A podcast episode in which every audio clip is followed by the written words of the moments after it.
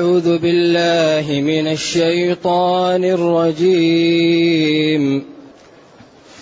ربنا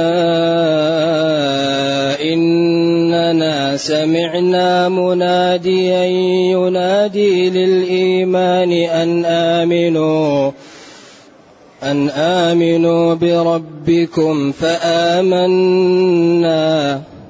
ربنا فاغفر لنا ذنوبنا وكفر عنا سيئاتنا وتوفنا مع الأبرار. ربنا وآتنا ما وعدتنا على رسلك ولا تخزنا يوم القيامة. إنك لا تخلف الميعاد. فاستجاب لهم ربهم أني لا أضيع عمل عامل منكم.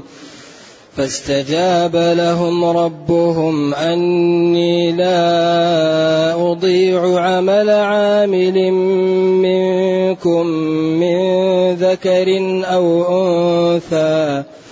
بعضكم من بعض. فالذين هاجروا وأخرجوا من ديارهم وأوذوا في سبيلي وأوذوا في سبيلي وقاتلوا وقتلوا لأكفرن عنهم لأكفرن عنهم سيئاتهم ولأدخلنهم جنات ۖ. ولأدخلنهم جنات تجري من تحتها الأنهار ثوابا ثوابا من عند الله والله عنده حسن الثواب. لا يغرنك تقلب الذين كفروا في البلاد. متاع قليل ثم مأواهم جهنم ثم مأواهم جهنم وبئس المهاد.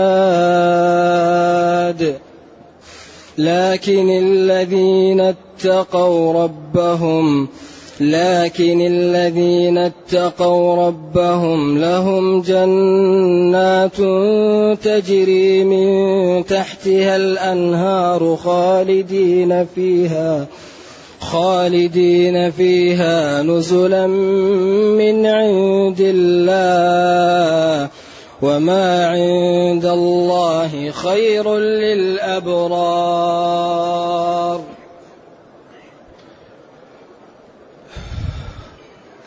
الحمد لله.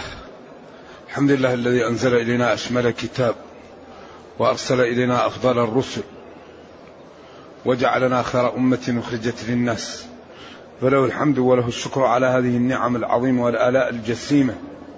والصلاة والسلام على خير خلق الله وعلى آله وأصحابه ومن اهتدى بهداه. أما بعد فإن الله تعالى يبين في هذه الآيات طرق النجاة وأسباب الهلاك ويكرر هذا ويوضحه ويأتي به بطرق لا تترك لبسا لمن يريد أن يفهم. ولذا هذه الآيات في آخر هذه السورة كأنها تأتي بملخص ما جاء في السورة. فلما بين أن في إيجاد الكون آيات. إن في خلق السماوات والأرض واختلاف الليل والنهار لآيات. لا لبراهين ودلالات. لمن؟ لقوم يعقلون. كأنه هنا يأتي سؤال ضمني. من هم الذين يعقلون؟ قال الذين يعقلون الذين يذكرون الله. إذا إيجاد الكون هذا فيه براهين لمن يعقل. براهين على على أن فيه قوة خلقت هذا الكون هي الله. والعلاقة بين هذا المخلوق والخالق الرسل التي جاءت بالشرائع وبالأوامر والنواهي. والخلق خلقوا للابتلاء. إذا أمور عجيبة. الذي يتأملها ما يستطيع أن يكفر. ما يبقى في قلبه لبس ما يبقى عنده شائبة لكن المعوقات التي تكتنف الإنسان والضعف الذي كون عليه وتسليط الأعداء عليه هذه هي التي جعلت إيش؟ الإنسان لا يتبصر بالأمور وإلا هي بطريقة واضحة وضوحا كالسماء وكالشمس. إذا إيجاد الكون. هذا لابد من موجد. هل رأت أعيننا شيئا وجد نفسه؟ أنت في البيت. هل رأيت شيئا وجد نفسه في البيت؟ كل ما في البيت. طيب كيف الكون يكون أوجد نفسه؟ أنت في البيت كل ما ما تقع عليه نفسك تعلم كيف جاء للبيت. طيب هذا الكون كيف يكون أوجد نفسه؟ إذا إن في خلق السماوات والأرض واختلاف الليل والنهار لآيات لأولي الألباب. طيب من هم أولو الألباب؟ الذين يذكرون الله. هؤلاء أولو الألباب. الذين ينتبهون دائما قلوبهم مليئة من عظمة الله. ألسنتهم رطبة بذكر الله. يتحركون بالله يسكنون بالله يفرحون لأجل الله يغضبون لأجل الله. خلاص يذكرون الله. فإذا ذكر الله نشط للعبادة. فإذا ذكر الله خاف من المعاصي. فإذا ذكر الله يعني قام تحرك. بعدين قال هؤلاء يذكرون الله على كل الأحوال. لأن الإنسان إما قائم ماشي وإما جالس وإما نائم إما ماشي وإما جالس وإما مضجع يذكرون الله قياما وقعودا. وعلى جنوبهم. إذا أصحاب الألباب يعني دائما مصاحبون لذكر الله.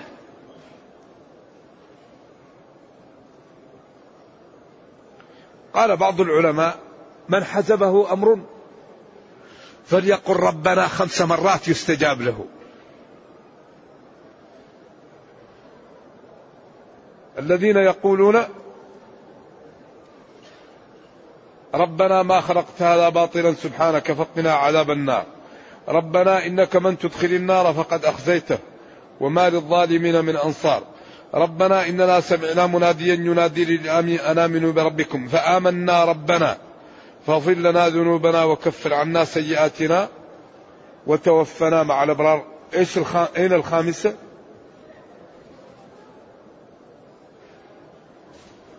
ربنا ما خلقت هذا باطلا. ربنا إنك من تدخل النار فقد أخزيته. ربنا إننا سمعنا مناديا ينادي للإيمان. فآمنا ربنا. ربنا وآتنا ما وعدتنا على رسلك. إذا قال بعض السلف من حزبه أمر فليقرأ. هذه ربنا خمس مرات الله يستجب له. لذلك نحن الآن ما عندنا مشكلة. المسلمون ما عندهم مشكلة. الكفار عندهم عقدة ما بعد الموت. ما بعد الموت كيف يكون؟ المسلم كل شيء محلول عنده قبل الموت وبعد الموت وفي الحياة وكل شيء واضح له. ف يعني عقدة الإنسان من أوجده والإنسان لما وجد والإنسان إذا وجد أين إذا ذهب أين ذهب هذه مشاكل تؤرق الكفار. يؤرقهم ما هي القوة التي أوجدتهم وتؤرقهم القوة الذي أوجدتهم ما الذي تريد منهم. وإذا ذهبوا أين يذهبون؟ هذه تؤرق الكفار. لأن الإنسان إذا كان فيه إشكالات في قلبه وفيه أمور لا يدري عنها يتألم. لكن المسلم أمور الحياة وكل شيء محلول. أوجده الله وأوجده للابتلاء ليبتليه ويطالبه بالاستقامة. ثم يذهب عن الدنيا ويبعث ويأتي لدار لا تحول عنها لا لا ذهاب عنها. إما نعيم دائم مقيم وإما عذاب سرمدي. كما قال فريق في الجنة إذا هذه التي تؤرق الكفار وتؤرق الملحدين.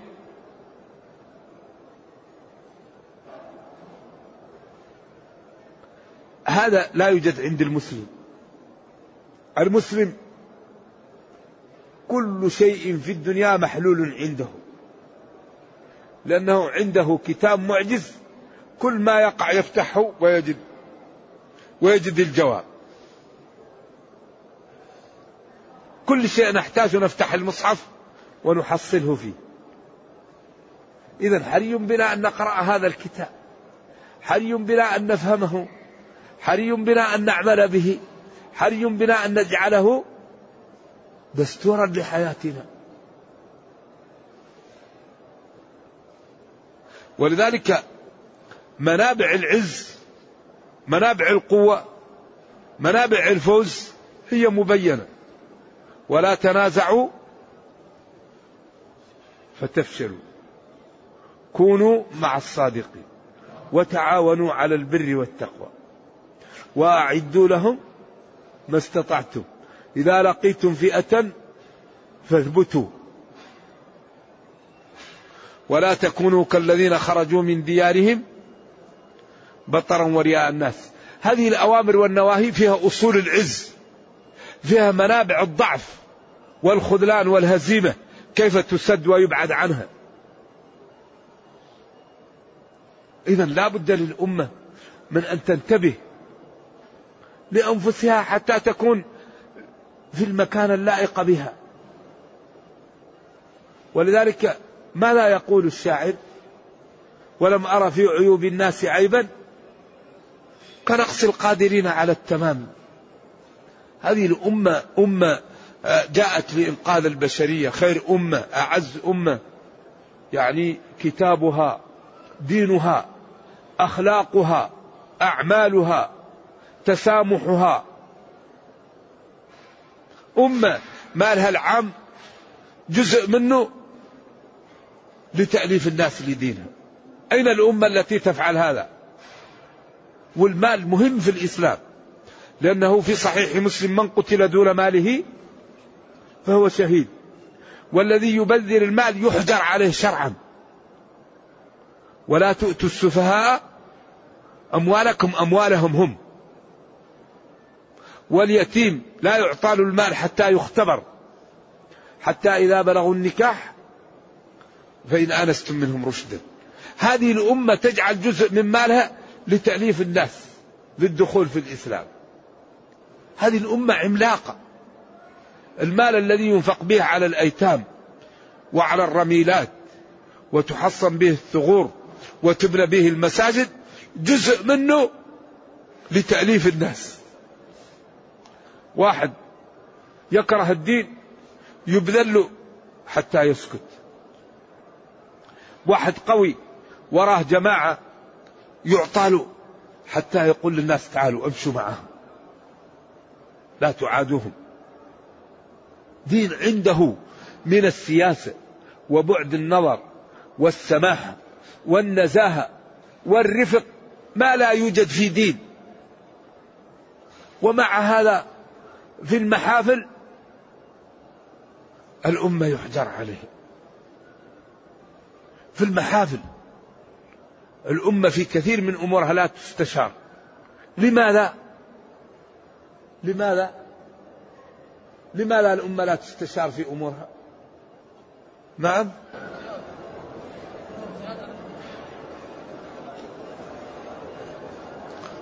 آه طيب. أرفع صوتك. عدم الأخذ بالأسباب. كل شيء والابتعاد عن الدين من عدم الأسباب.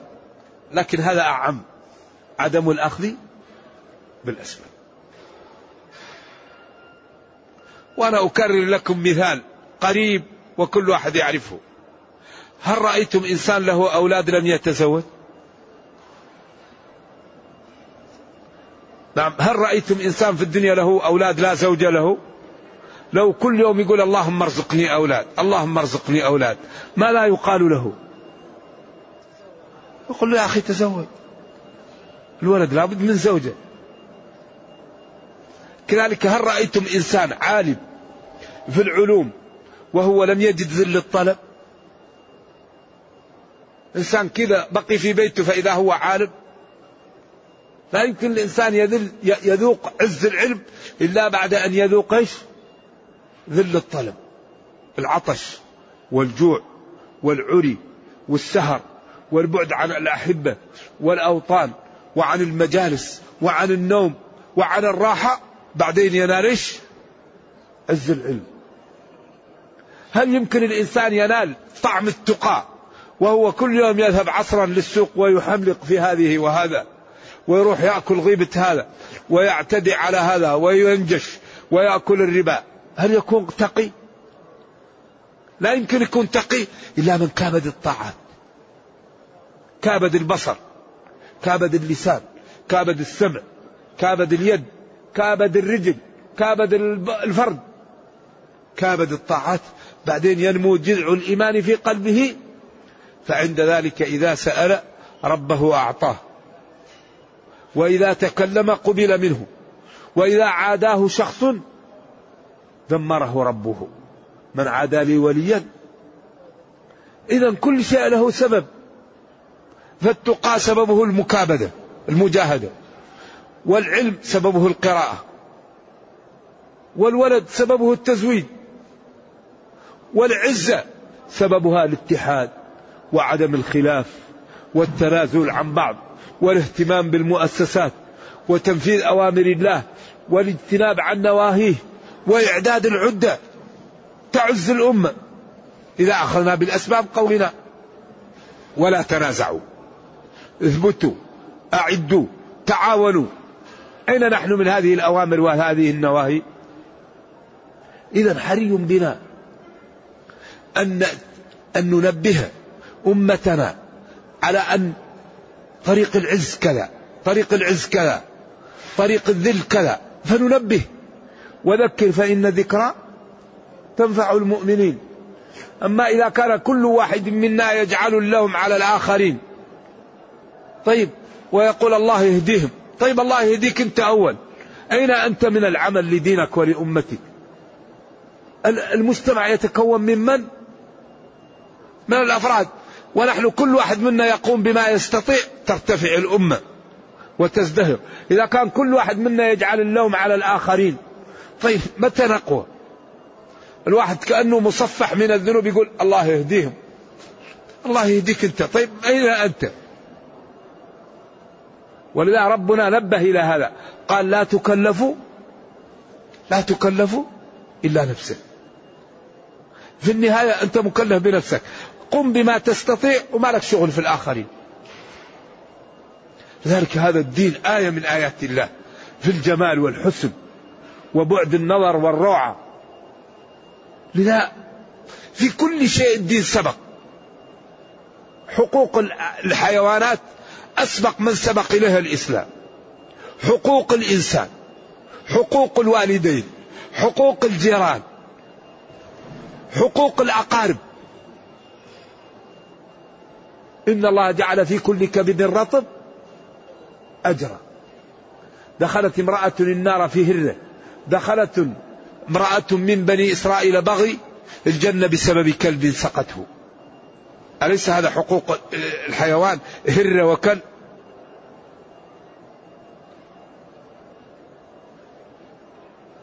لا يجيز الظلم أبدا. الإسلام يحرم الظلم. ولا يجرمنكم شنآن قوم على أن لا تعدلوا. إذا كنت تكره ناس لا تظلموا أنك تكرهه. اعدلوا هو أقرب للتقوى. لذلك أكثر من يدخل في الإسلام هو من يخالط المسلم. الذي يخالط المسلم يدخل في الإسلام. لأن هذا الدين يدعو للأخلاق وللصدق وللنزاهة وللسماحة. فإذا خالط غير المسلمين الصادقين من المسلمين يقول أشهد أن لا إله إلا الله وأن محمدا رسول الله. لأن طريق الإسلام في تعامله طريق رائعة. ينهى عن الظلم عن الكذب عن الغش. يدعو بالرفق يدعو بالنزاهة يدعو بالستر يدعو بالسماحة. فحري بنا أن نفعل هذا الدين في حياتنا. حري بنا أن نظهر للناس جمال الدين في حياتنا وأن لا يكون كل واحد منا يجعل اللوم على الآخر. وبعدين يركبنا أعداء الدين ونبقى بين العالم شماته. لا ينبغي هذا. إذا قال السلف هذه ربنا خمس مرات من قالها استجيب له. ثم قال في نهاية المقطع بعد أن فاستجاب لهم ربهم استجاب هنا بمعنى أجاب. وقال ربهم ما قال الله؟ لأن الرب هو السيد والمالك والمدبر. وهو مشتق من الرب. والرب الماء السائل الذي يعمل من التمر. ومن بعض الفواكه يوضع في ماعون السمن الذي يسمى العكة. فيوضع في هذه المادة تسمى الرب وهو الذي يجعل نكهة السمن جميلة. ثم استعمل الرب في كل ما يربي. ومنه التربية. فالرب هو الذي يربي الناس وهو المعبود بحق وهو السيد وهو المالك. الرب له معاني أربعة المالك والسيد والمدبر. بعدين لما نادوا ربهم وسألوه وبعدين قال في نهاية الآية فاستجاب لهم ربهم. استجاب هنا بمعنى أجاب. واستفعل تأتي بمعنى أفعل.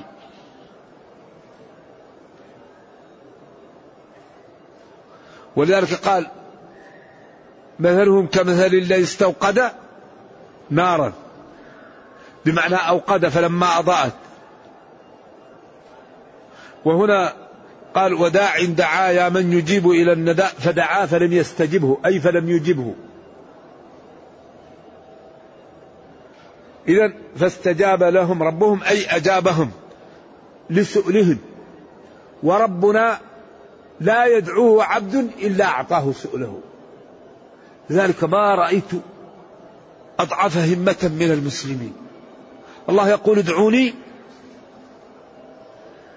قال العلماء لا يسأل عبد ربه إلا أعطاه واحد من ثلاثة. يا يعطيه سؤله. يا يدخر له ذلك يوم القيامة في أحوج ما يكون إليه. يا يرد عنه من السوء بقدره. الله لا يرد عبدا. وقال ربكم ادعوني أستجب لكم. ولذا الله كل ما دعوت كل ما رضي عنك. لأن الدعاء عبادة لله. أما أي إنسان لو تسأله التراب تقول له أعطيني كيلو تراب اليوم وتأتي غد وتقول له أعطيني التراب يقول لك يا أخي أنت مجنون روح خذ التراب لنفسك. لا لا تسألن بني آدم حاجة واسأل الذي أبوابه لا تحجب. فالإنسان إن سألته يغضب والله إن تركت سؤاله عليك يغضب. كريم. استجاب لهم أجابهم. أني أي بأني وفي أن وأن يطردوا حذف الجر. استجاب لهم بأني. لا أضيع لا أفوت وأحبط. عمل عامل منكم من خلقي. ثم قال ذكر أو أنثى وهنا وقف. ذكر وأنثى لأن. الم... لأن المسلمين معقدون من الأنثى. المرأة المرأة وكأن المرأة عند المسلمين مضطهدة.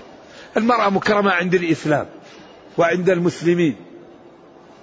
والذي يريد أن يعرف قيمة المرأة عند المسلمين ينظر إلى المرأة في غير عند غير المسلمين مضطهدة. وتحمل ما لا تطيق. حيث تلزم بنصف المهر ونصف النفقة ونصف أجرة البيت. وتعذب وتعمل فيما ليست له. المرأة خلقت للإنجاب. المرأة خلقت لمصنع للمجتمع.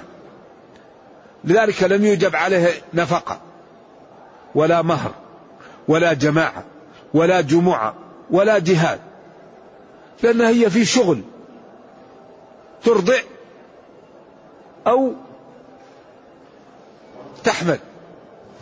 فإذا حملت هي تنتظر الولادة وإذا ولدت تنتظر الإرضاع فإذا انتهت من الإرضاع تحمل أخرى مرة أخرى. إذا هي مصنع المجتمع. فإذا قلنا المرأة مثل الرجل وتخرج هي ويخرج الرجل. طيب من يبقى في البيت؟ نجيب عامل. طيب عامل ما هو من المجتمع الأفضل نترك أم البيت في البيت أو نأتي بعامل. إذا كنا ننظر للمجتمع عامل أيضا يبقى عاطل في البيت. إذا هل أحسن نأتي للبيت بشخص ونترك أم البيت تخرج أو نترك أم البيت في البيت ولا نأتي بعامل للبيت يخرب البيت؟ ويطلع الأولاد معقدون لأنهم لا يجدون حنان الأم. إذا هذه أمور الله هو الذي خلق الكون ونظامه هو الذي يصلح الكون. أأنتم أعلموا أم الله طيب خرجت الأم وخرج الأب. طيب ما كل شيء الفلوس؟ ما فائدة الفلوس؟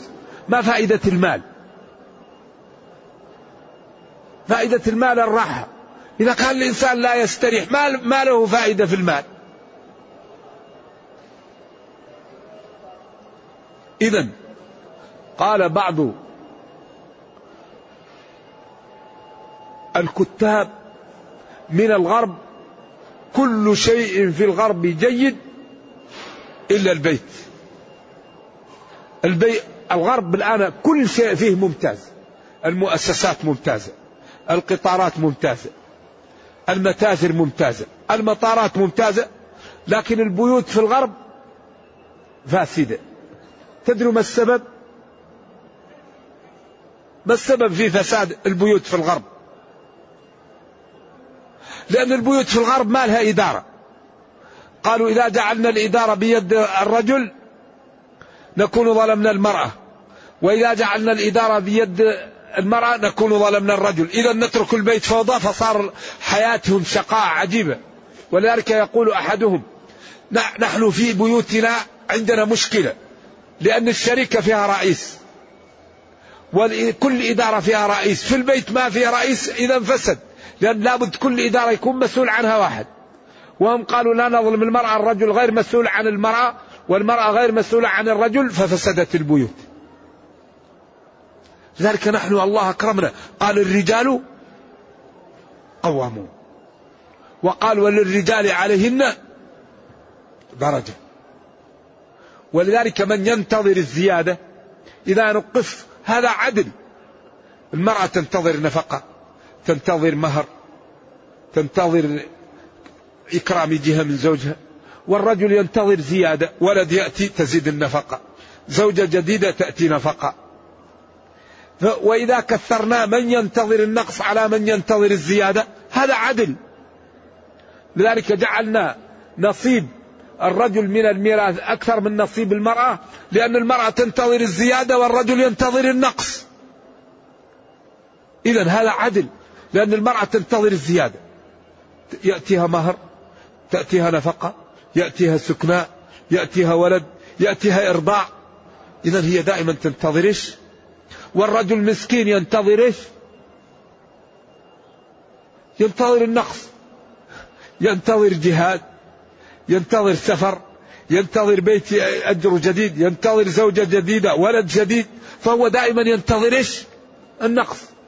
إذا إذا كثرنا من هو دائما ينتظر النقص على دائما من ينتظر الزيادة هذا عدل. ولذا والله تعالى خلقنا ولا يسأل عما يفعل. إنما كان قول المؤمنين إذا دعوا إلى الله ورسوله ليحكم بينهم. يقولوا سمعنا وأطعنا. والله قال للذكر مثل حظ الأنثيين. إذا الكلام في هذا وأن الرجل أكثر من المرأة وأن هذا هذا ردة هذا. لأن الله هو اللي خلق الكون وأمر. والله يقول أنتم أعلموا أم الله إذا بعض الأمور ما هي قابلة للنقاش. إلا بالتعليم ولذلك الرجل صار الطلاق بيده لأن الرجل هو اللي عنده آلة الازدراع المرأة حقل وأي إنسان لا يرغب في أن يزرع في حقل لا يرغم على الزراعة فيه لأنه لا يثمن والمرأة إذا كان لها يأتوها رجال تفسد يعني الأنساب وتضيع. أما الرجل لو يكون عنده متعدد هذا لا يضر المرأة ولا علاقة له بها. إذا هذا الدين تشريع راقي وعدل. وجميل لكن يحتاج منا أن نعطيه وقت ونفهمه. إذا يقول جل وعلا فاستجاب لهم ربهم بأني لا أنقص ولا أضيع عمل عامل منكم سواء كان العامل ذكر أو أنثى. إذا ذكر الرجل وذكر الأنثى ولما قالت أم المؤمنين ما لي لا أرى النساء يذكرن أنزل الله إن المسلمين والمسلمات والمؤمنين والمؤمنات وقال ومن يعمل من الصالحات من ذكر أو أنثى. وقال ولهن مثل الذي عليهن بالمعروف كما سيأتي في سورة في سورة النساء. وجاءت سورة في القرآن تسمى سورة النساء. الكبرى وسورة النساء الصغرى. حتى ما في سورة اسمها سورة الرجال. وقال قالت نملة فالإسلام دين السماء السماحة والنزاهة والعدل والإنصاف. ولكن نزع القوامة من المرأة وجعلها في يد الرجل. وعوض المرأة عن ذلك. فقال ولهن مثل الذي عليهن بالمعروف وللرجال عليهن درجة. وقال بما أنفقوا من أموالهم. الرجال قوامون على النساء بما فضل الله بعضهم على بعض وبما أنفقوا من أموالهم. وقال ولا تتمنوا ما فضل الله به بعضكم على بعض. للرجال نصيب مما اكتسبوا وللنساء نصيب مما اكتسبن. واسألوا الله من فضله هذا خلق على هذه الحال وهذا خلق على هذه الحال والمرأة خلقت مهيئة لبعض الأعمال والرجل خلق مهيئ لبعض الأعمال. ولذلك في جميع أنحاء العالم المرأة يوضع لها في آذانها وفي عنقها وفي وجهها الأصباغ والألوان وهذا لا يوضع للرجل وهذا في عرف العالم. إذا نحن نظلم المرأة لماذا المرأة تضع أشياء ولا نضعها للرجل؟ ولذلك الله قال أو من ينشأ في الحلية؟ ينشأ في الحلية وليس الذكر كالأنثى. الرجولة جمال والأنوثة ضعف. ولذلك كل ما كانت المرأة ضعيفة كل ما كان ذلك أدعى لماذا؟ للميول إليها. وكل ما كان الرجل قويا وخشنا كان أدعى للميول عليه. لذلك الشعر في الرجل جمال. والشعر في المرأة إيش؟ تشويه. ولذلك نبينا صلى الله عليه وسلم في حجة الوداع قال استوصوا بالنساء خيرا فإنهن عوان أي أسيرات عانية ضعيفة لا يكرمهن إلا كريم ولا يهونهن إلا لئيم. هذا خلقتها الرجل ما عنده رحم ما يحمل. الرجل لا يرضع الرجل لا تأتيه العادة لا يأتيه الحيض. إذا المرأة ضعيفة إذا كانت عليها حيض ضعيفة إذا كانت عندها نفاس ضعيفة إذا كانت فيها حبل ضعيفة إذا هي تعتريها أمور لا تعتري الرجل وهي ضعيفة. ولذلك قال إن المرأة خلقت من ضلع وإن أعوج الضلع أعلاه فإن أردت أن تقيمها كسرتها. وقال لا يكرمهن إلا كريم.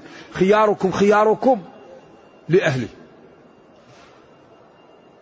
لذلك هذا الدين عجيب قال للمرأة وقرن في بيوتكن فإن احتاجت إلى الخروج لأجل أمور ضرورية أو لأجل احتياج للمجتمع تخرج بأدب وبحشمة غير متجملة وغير متعطلة وتمشي في طرف الطريق ولا تمشي في وسطها.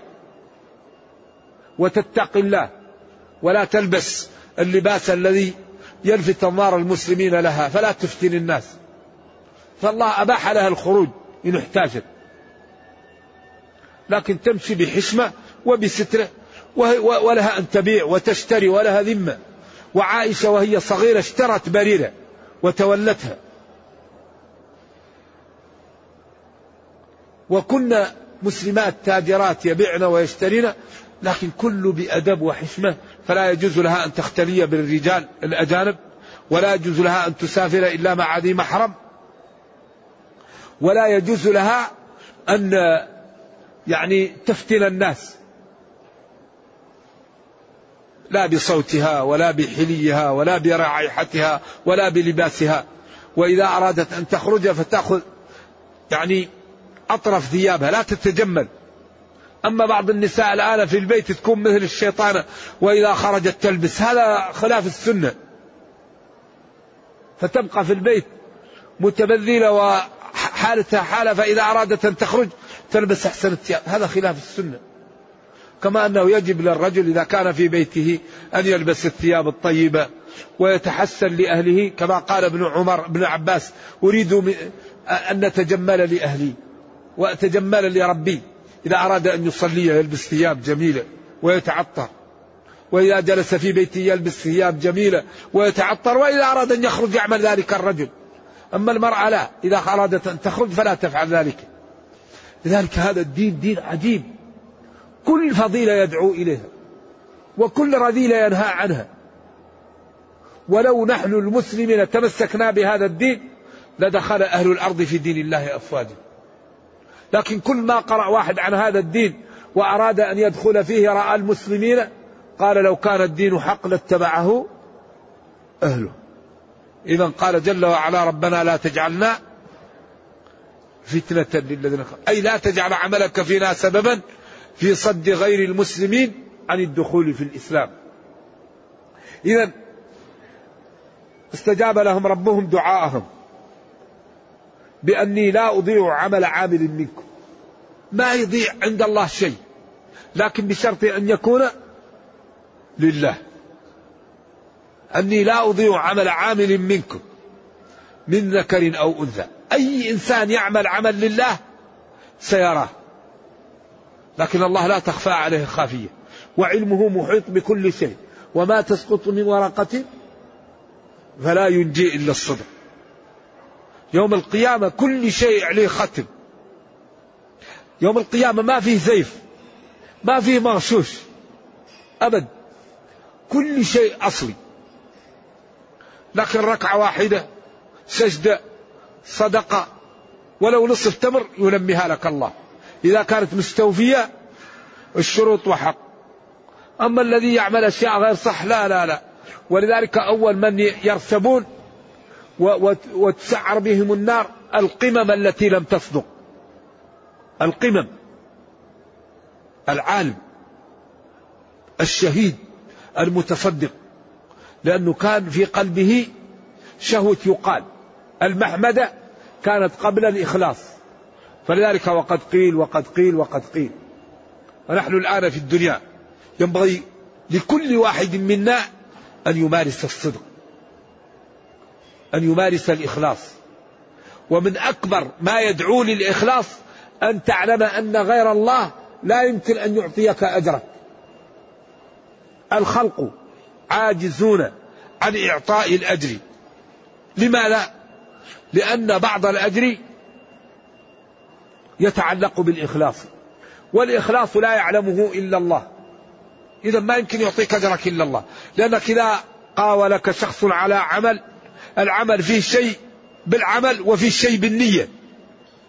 هل أنت تريد العمل ينتهي جيدا أو تريد ينتهي غير جيد؟ فهذا الجانب لا يعلمه إلا الله وهو الذي يعطيك الأجر كاملا. أما غير الله إذا أراد أن يعطيك الأجر لا يعرفه لأن جانب الإخلاص يجهله.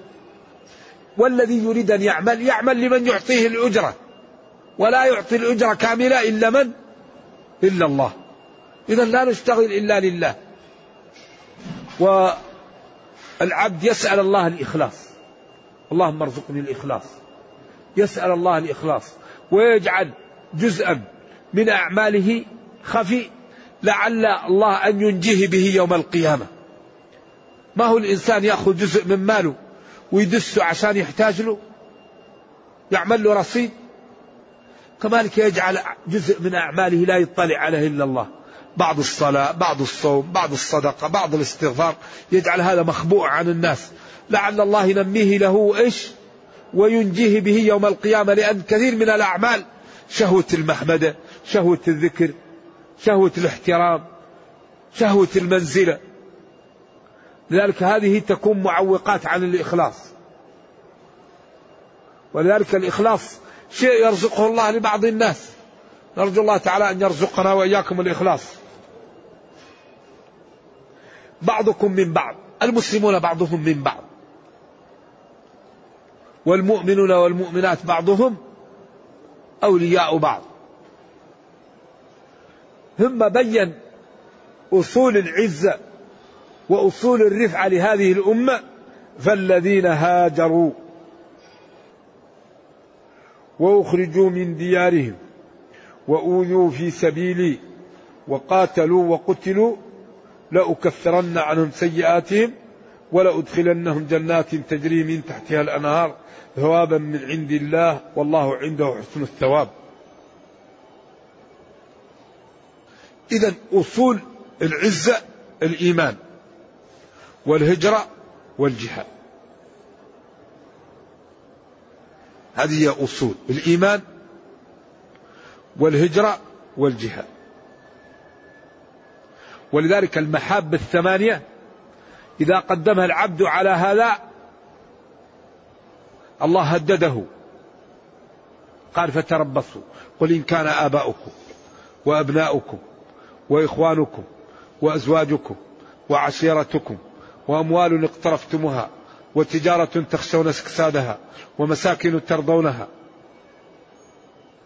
إيش أحب إليكم؟ من الله ورسوله وجهاد في سبيله فتربصوا. أمر التهديدي ف يعني أماكن العز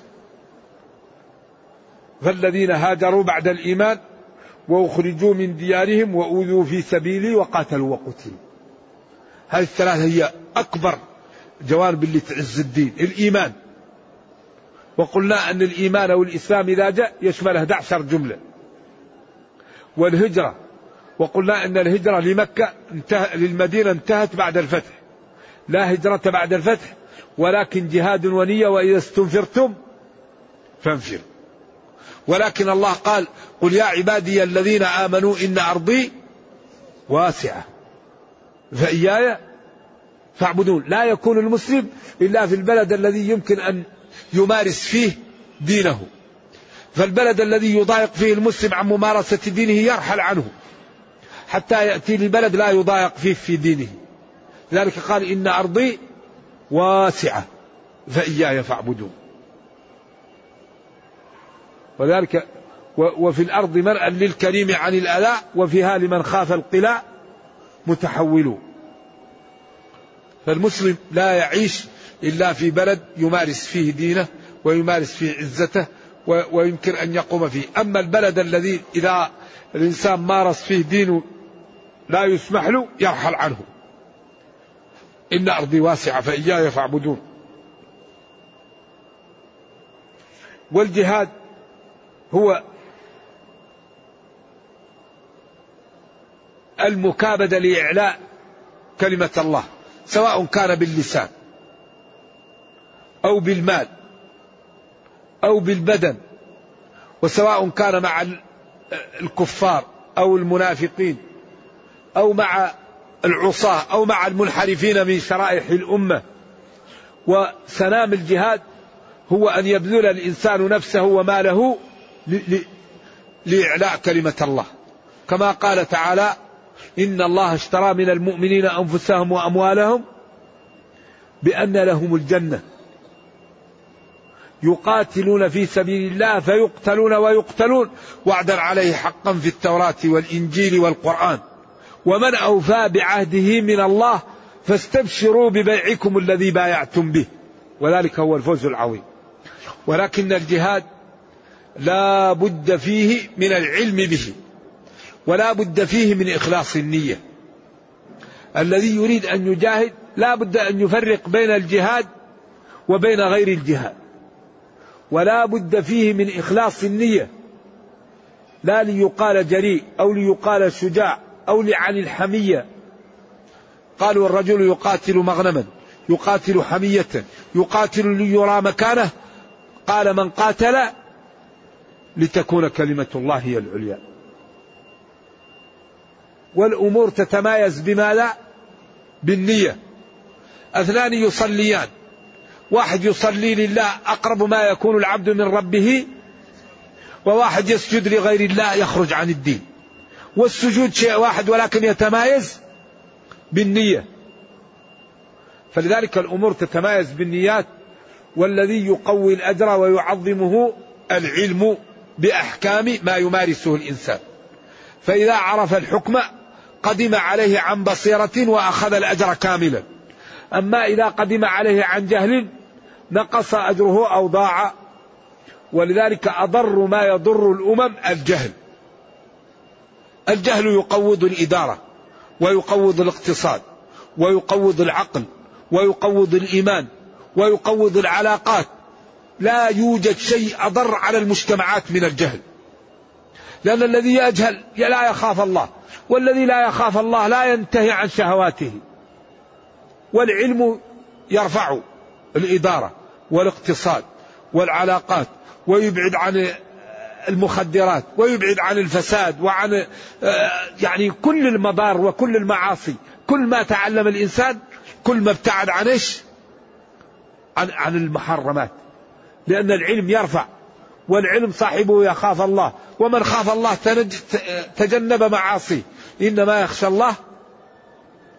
لذلك لا بد أن نشيع محبة العلم واحترام العلم وأن نبذل للعلم وأن نهيئ المراكز ونشيدها للإبداع العلمي. لأن أقوى ما يقوي الأمم العلم وأكثر ما يقوض الأمم الجهل. ومع الأسف أن العالم الإسلامي جامعاته تعيش شيخوخة مبكرة. خطيرة خطيرة خطيرة جدا.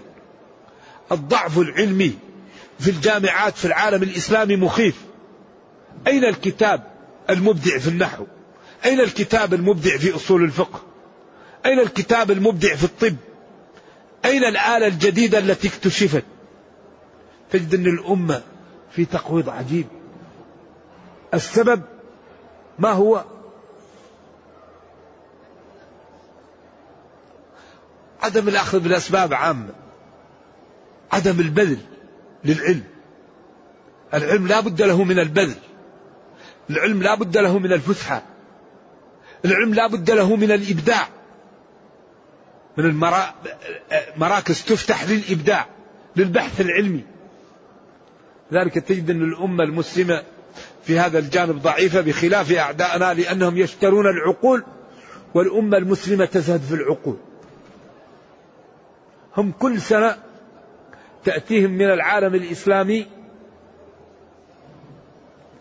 ما صرف عليه المسلمون أربعة ملايين دولار. كل سنة يذهب إلى الغرب ما معدله أربعة بلايين دولار. أربعة ألاف مليون. يصرفها العالم الإسلامي على التعليم العالي وبعد التخرج يذهب إلى الغرب. إذا أمة تزهد في العقول إيش النتيجة؟ النتيجة ما هو؟ الضعف. لأن الذي يقوي هو العقول. فإذا كانت أمة تزهد في العقول كيف تقوى؟ إذا لابد أن نشيع الاهتمام بالعقول الاهتمام بالأذكياء الاهتمام بالتخصصات النادرة. لأن الذي يكون قويا ودرس يريد أن يعطى له ما يريد. والمسلمون عندهم زهد. تريد ما تريد بكيفك. يروح للغرب يقولوا له ماذا تريد؟ خذ بحث خذ مكتب. خذ ما تريد وانتج. فلذلك هم الآن أي إنسان عنده إبداع مهيأ له تذكرة وجواز ويذهب إلى الغرب. هذا من أكبر أسباب تقويض العالم إيش؟ الإسلامي. الزهد في العقول. هم يشترون العقول شراء والأمة تزهد في العقول. من يشتري العقول ومن يزهد في العقول؟ ما يستويان. هل يستوي الذين يعلمون؟ ذلك لا بد أن نشيع الاهتمام بالعلم. الاهتمام بالتخصصات الاهتمام بالصدق الاهتمام بالإدارة. خطورة الرشوة خطورة التجاوزات. بعدين الأمة فيها خير وفيها فضلاء وشرفاء والخير في أمتي إلى قيام الساعة. ولا تزال طائفة من أمتي على الحق. بس يحتاج أن نفعل بعض وأن نتعاون. ولذلك ربنا قال وتعاونوا وتعاونوا على البر.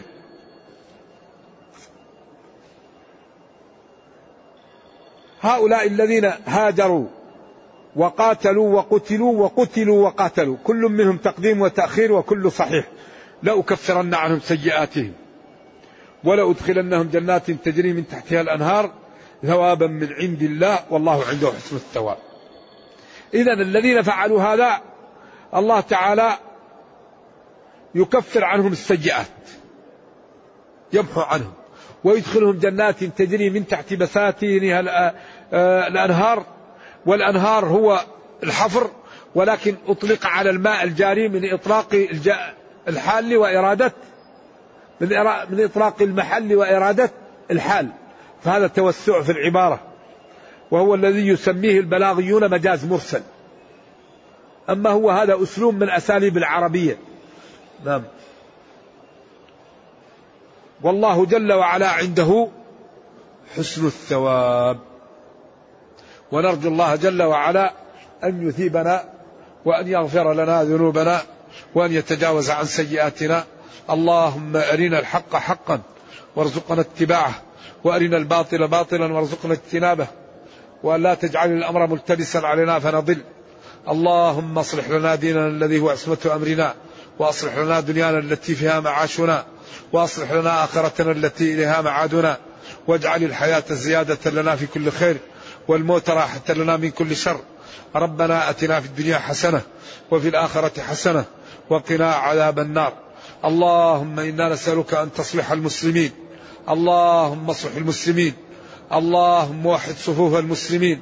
اللهم اصلح المسلمين قادة ومقودين رجالا ونساء.